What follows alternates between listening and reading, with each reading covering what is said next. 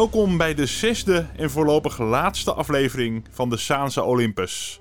Een podcast van Radio Orkaan over de band tussen de Zaanstreek en die ene Olympische droom. Met dank aan Ruben van Duren, die met mij samen deze serie heeft gemaakt. En mijn naam is Edwin Kleijs.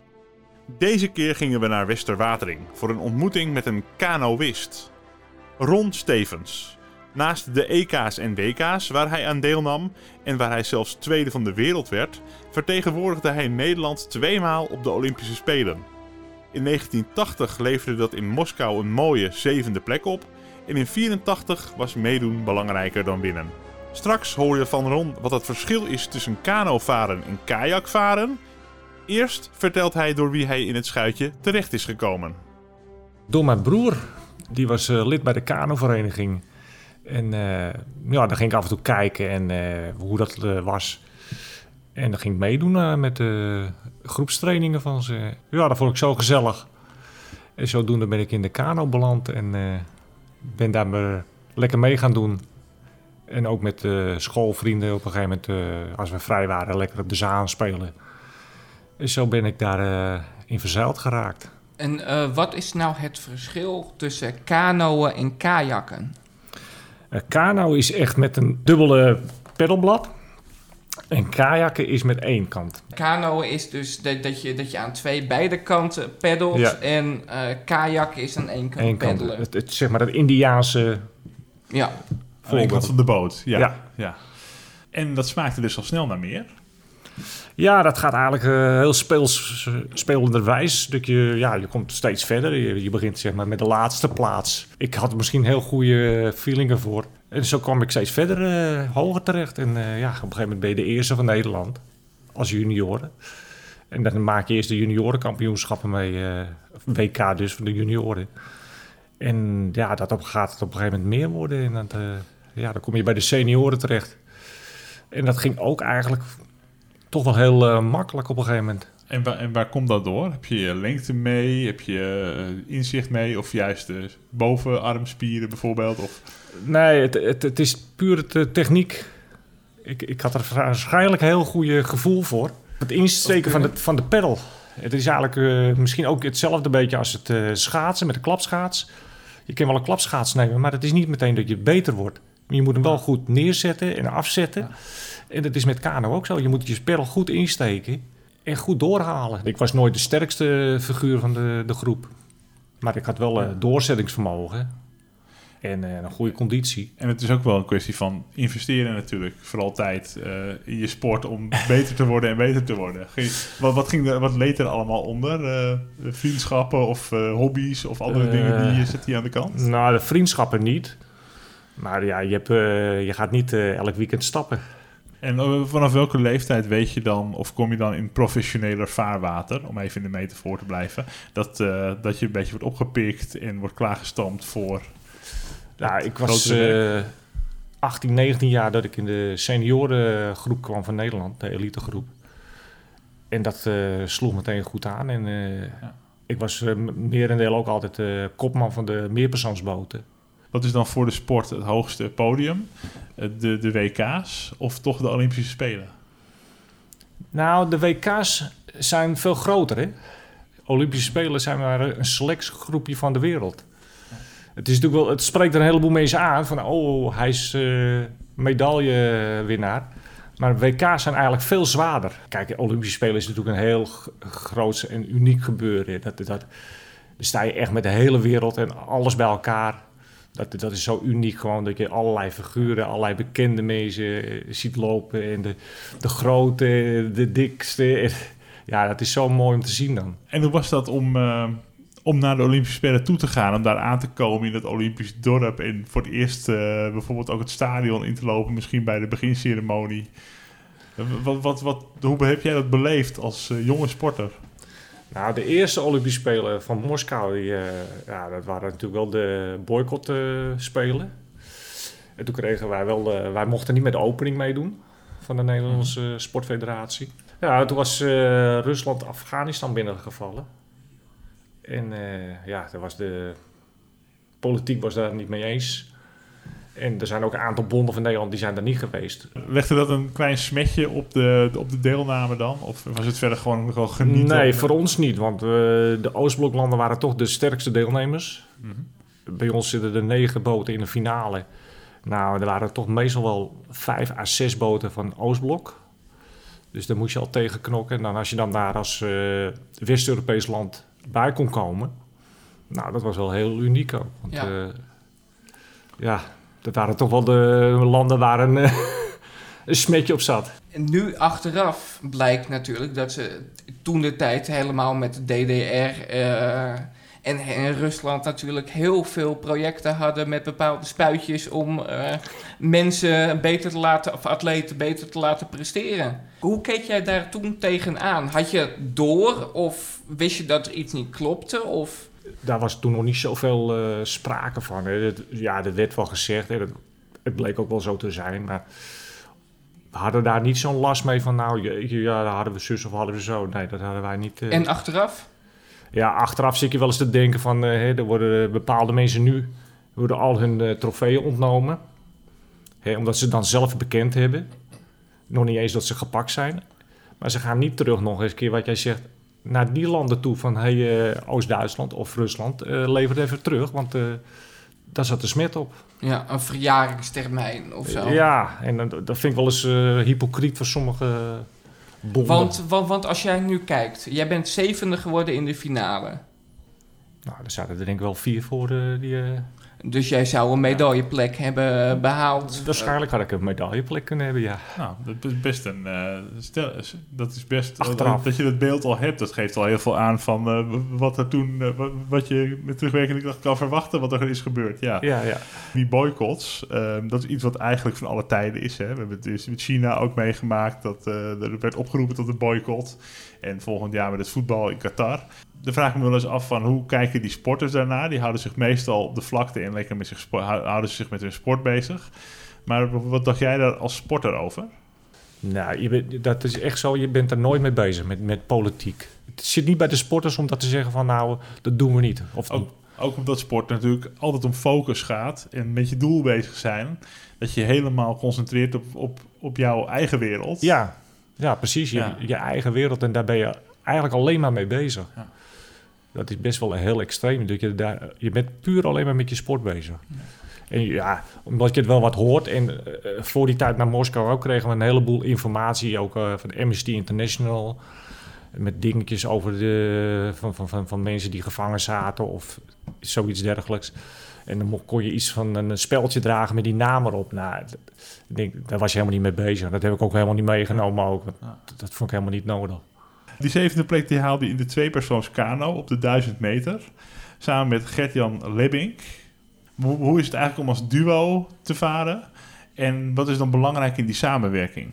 Daarvoor eh, hadden we al testwedstrijdjes met, met andere jongens samen. Nou, en met hem kwam ik heel goed eh, voor de dag. Maar het, het klikte heel goed. We waren eigenlijk een beetje dezelfde slag. Eh, dezelfde motivatie ook. Eh, we wilden best wel eh, nog doorgaan. En nou ja, het, liep gewoon heel goed. We hadden precies dezelfde inzichten. En dat, eh, ja, dat was uniek gewoon. En wat is daarin dan belangrijk? Dat je tempo echt op elkaar van nature afstelt? Of de kracht waarmee je peddelt? Ja, we hadden bijna het, hetzelfde slagtype. Mhm. Ja, en ook het inzicht. Het, ja, we hadden allebei de, dezelfde ideeën erover. Hoe we het moesten doen. En dat klikte gewoon zo heel goed. Er En- zijn eh kano's die varen heel kort. Een heel hoog ritme. Ja. En wij hadden vrij goed... eh, Lange, lange halen, lange Ja, ja. halen en een heel... Of in ieder geval maar Ja. wel veel verkracht. Zodat je veel eh, meer... Ja. En ja, het is ook belangrijk bij het kano dat je voorin goed inzet en krachten doorhaalt dan naast je. En dat, dat, dat is het verschil met de techniek. En dat deed ik bijna automatisch. En mijn maatje ook. En eh, ja, dat klikte zo goed. Dus dat was een eh, ja, unieke combinatie gewoon.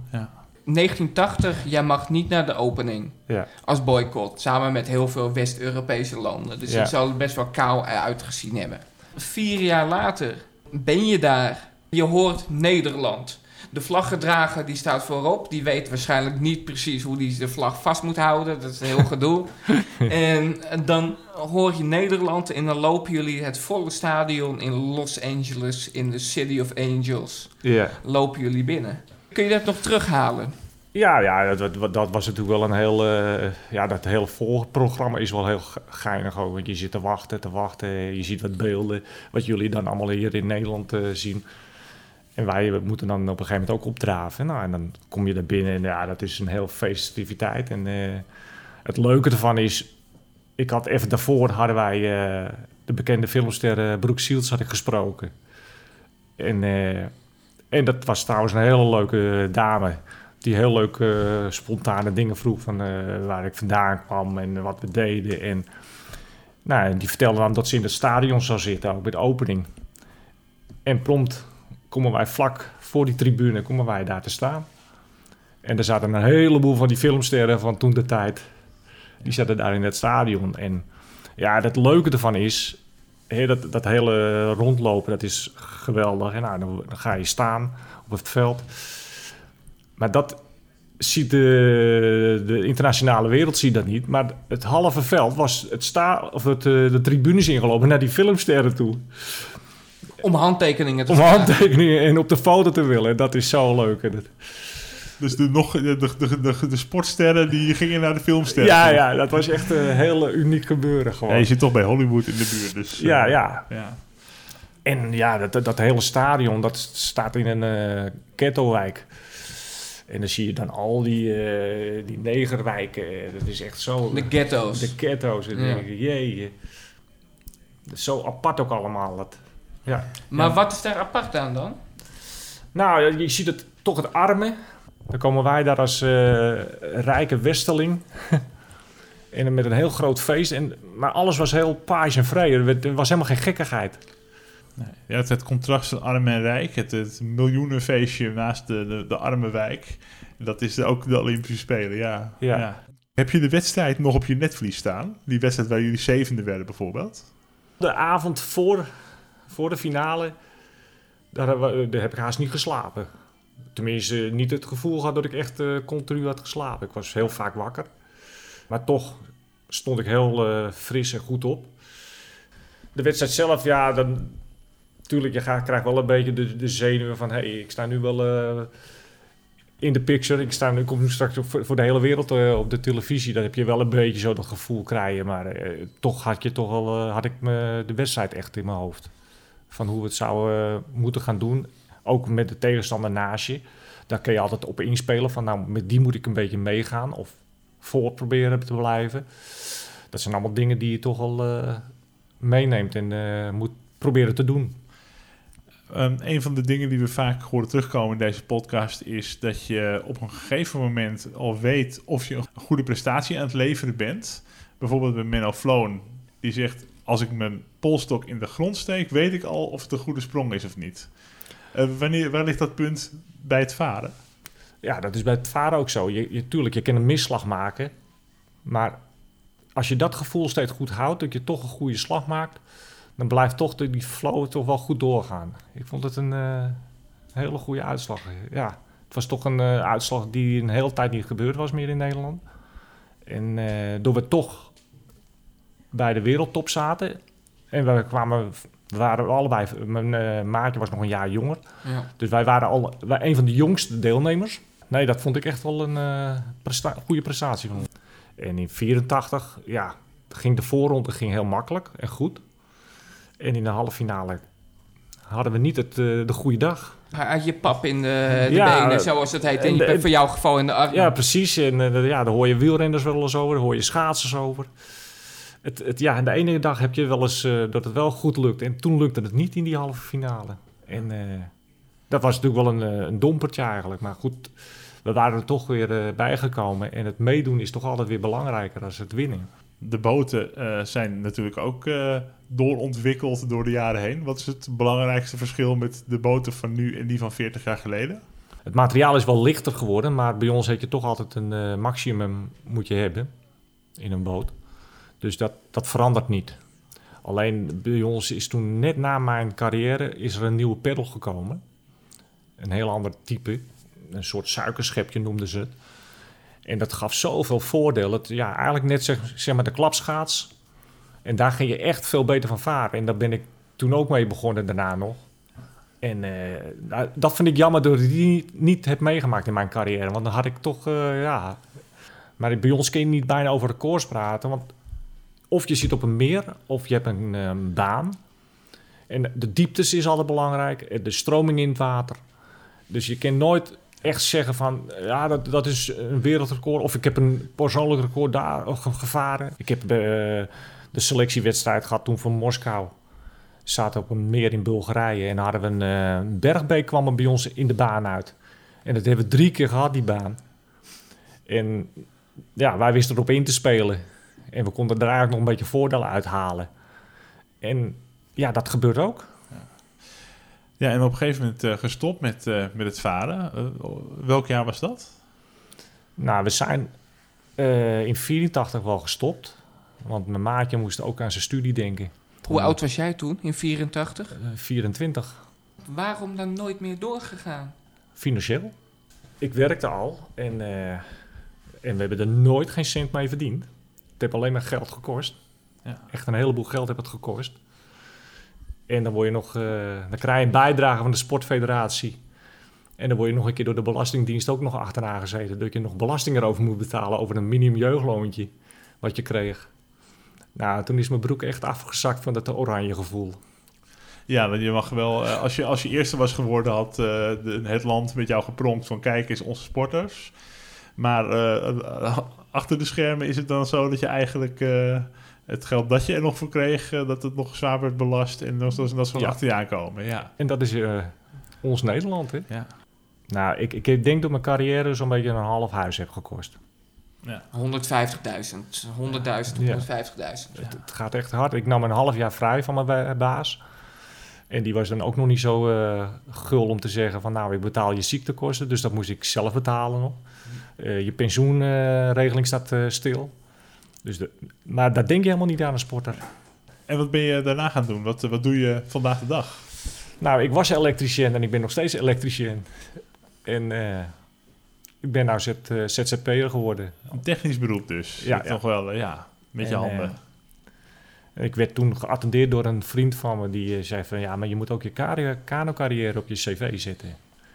En eh, ik zei ja, maar ik ben eh, elektricien, ik ben geen. eh nou ja, zei, maar dat is heel belangrijk. Eh, Ah, dat top. is een heel visitekaartje. Ja. Ik wist niet dat het zo. eh, want ik begon op.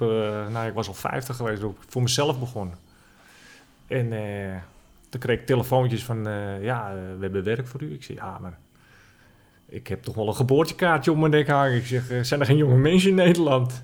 Ja, maar meneer, we zien ook dat u andere capaciteiten hebt. Het- Het is echt een. eh, ik wist niet dat het zo eh, aansloeg. Als je nu kijkt naar het roeien, was dat op één, eh, re- in één rechte lijn dat je met de kano... Of was dat met een parcours met wild water en dat je, dat je, dat je om, dat dat je van links naar rechts wordt slalom Nee, moet nee. om Wij hadden echt eh, vlak water en een rechte baan. een rechte baan. Dus Ja, want eigenlijk je hebt- gewoon... dat is het, het verschil. Je hebt kano-slalom en je hebt kano-racing, noem je Ja. dat. En dat is op een rechte baan. En dat zeg ik, het is nu ook nog spannender geworden, want er zit nu ook 200 meter bij. En dat gaat bij het kano echt op fotofinish komen de mensen binnen. Dat, dat is zo spectaculair. Doen er nog Nederlanders mee, deze Olympische Spelen? Nee, dat is het euvel dat eh, dit jaar, of eh, dat is zo in, in elkaar gezakt. Omdat het oh ja, toch kostbaar is. En eh, de mensen moeten toch Mhm. veel meer aan hun studie denken nu. En dat, ja, en dat, dat is het jammer. Je moet eerst een A-status halen voordat je geholpen wordt. Ja, En dat dat, kost natuurlijk wel een heleboel. eh, Als we toch gaan kijken eh, dit jaar, we gaan alle sporten natuurlijk met eh, extra belangstelling kijken naar deze serie. Op wie moeten we letten deze Olympische Spelen? Duitsland is altijd al een heel goed land. Eh, Hongarije. Maar er zijn nu een heleboel lidstaten natuurlijk bijgekomen van Rusland. En daar zit ook een eh, aantal bij natuurlijk. Van vroeger had je maar één Russische deelnemer. Maar nu heb je van al die staten doen ook al mee. Dus het hele internationale gebeuren is veel groter nog geworden. Het, Westen doet ook veel mee. Er komt ook veel uit eh, Zuid-Amerika nog. Oké. Dus het is best wel, eh, het is een heel groot gebeuren bij ons eh, in het kano. Ja. en dat, eigenlijk weet niemand dat. Bij de start zeg maar, is er altijd wel zo'n beetje 40 inschrijvingen. Dus voor, de, voor negen finale plaatsen, dan moeten er 40 mensen moeten er,